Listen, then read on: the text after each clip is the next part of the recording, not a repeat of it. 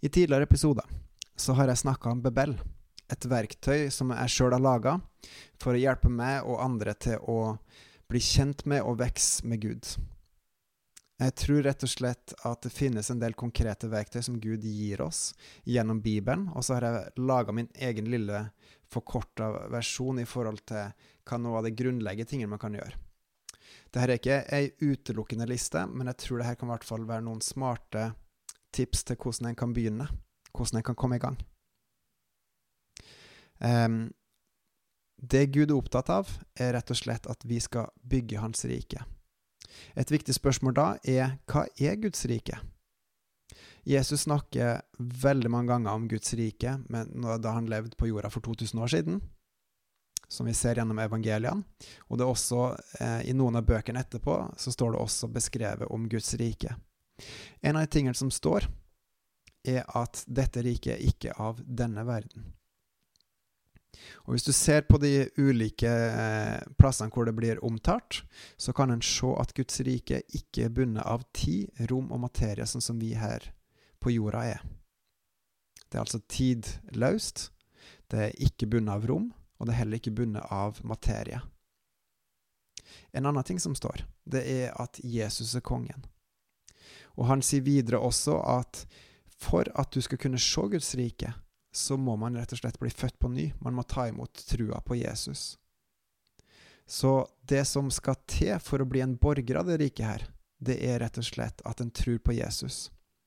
Og da er alle som er skrevet opp i livets bok, alle de som Gud kaller sine, de er Guds rike borgere. Og med Jesus som konge i dette riket, så er det jo selvfølgelig Gud som er i sentrum. Her i verden så er det veldig typisk at vi mennesker har oss sjøl i sentrum, oss sjøl og det som er rundt oss, mens i Guds rike, der er det Gud som er i sentrum. Det er Han som er opphøyd, det er Han som er allmektig, det er Han som er sannheten. Det er Han som er eh, livet, det er Han som gir liv. Det er Han som gir den fullkomne glede, den fullkomne frihet, frihet fra å være bundet av det som er på jorda, og være satt fri til å følge Han og være med på å dele Hans rike, få lov til å kjenne Hans kjærlighet og være med på å gi den videre. Eh, både vise den tilbake til Han, og gi den videre til de andre i familien, våre brødre, og også gi den videre til andre folk som ennå ikke har blitt kjent med Han. Og det som er viktig for Gud, eh, det som er viktig i planen hans, som han laga før jorda ble til, det er at vi skal få lov til å bli frelst bare ved trua. Bare ved å tro på Jesus så skal vi få evig liv. Så Guds ønske det er rett og slett at vi skal velge Han. Vi skal velge å følge Han og få evig liv. Og så er det opp til den enkelte om vi vil det eller ikke. Og faktisk er det her så viktig for han at han har sagt, at vi, sagt i Matteus 28 at vi skal gå og gjøre alle folkeslag til disipler for han. Fordi det aller beste, det er faktisk og det aller viktigste, det er faktisk å bygge Guds rike. Det er å kjempe for Hans rike, og kjempe for Hans familie. Være med og gjøre det sånn at Hans rike vokser, at Hans vilje skjer, og Hans navn blir holdt hellig. Både i himmelen og på jorda. Fordi at det er det beste, det er den største rikdommen som finnes. Det er den største kjærligheten som finnes. Og Derfor så bør vi faktisk både bygge hverandre i familien, vi bør støtte hverandre, og vi bør også advare hverandre for at vi skal være med å vokse i Guds rike, og også hjelpe andre til å se at det å kjenne Gud, det er faktisk bedre enn alt annet som finnes. Det virker som vi kristne er blitt litt passive, at vi kanskje har mista motet.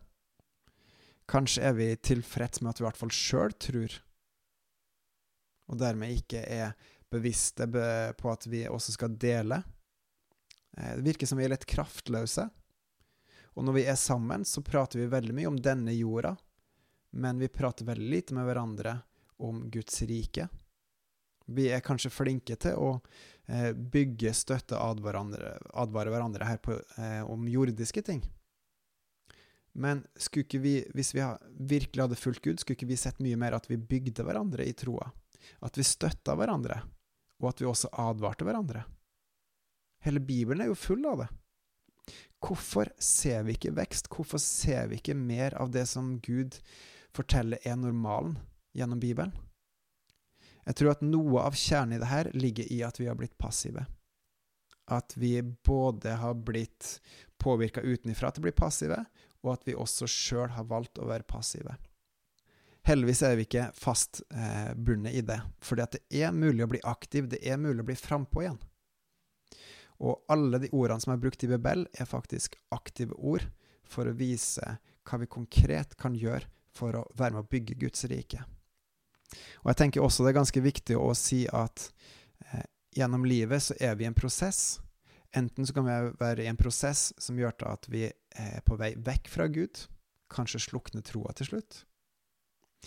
Eller så kan vi være i en prosess på vei til Gud, og med Gud. Fordi han har lov til å være ved siden av oss og være med oss. Så om du føler deg motløs, og om du føler deg passiv, om du føler deg hjelpeløs, så er det håp.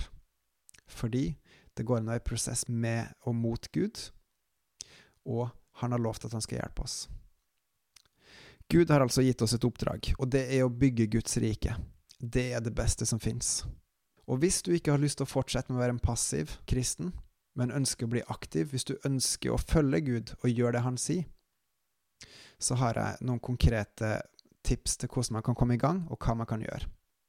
I dag vil jeg si to ting. Nummer én. Fortell Gud at du vil. Fortell Gud at du sliter med å komme i gang, og be han om hjelp. Be han om at Den hellige ånds kraft skal komme i deg, at han skal virke i deg og hjelpe deg til å skjønne mer av hvem han er, og hjelpe deg, hjelp deg til å bli mer aktiv.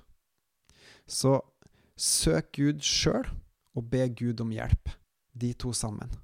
Jobb i meg, Gud. Og nummer to så vil jeg rett og slett anbefale å begynne med det enkle. Det som er enklest for deg.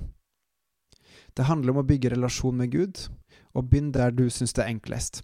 Syns du bibellesing er enklest, ja, så begynn med å lese i Bibelen. Eller fortsett med å lese i Bibelen.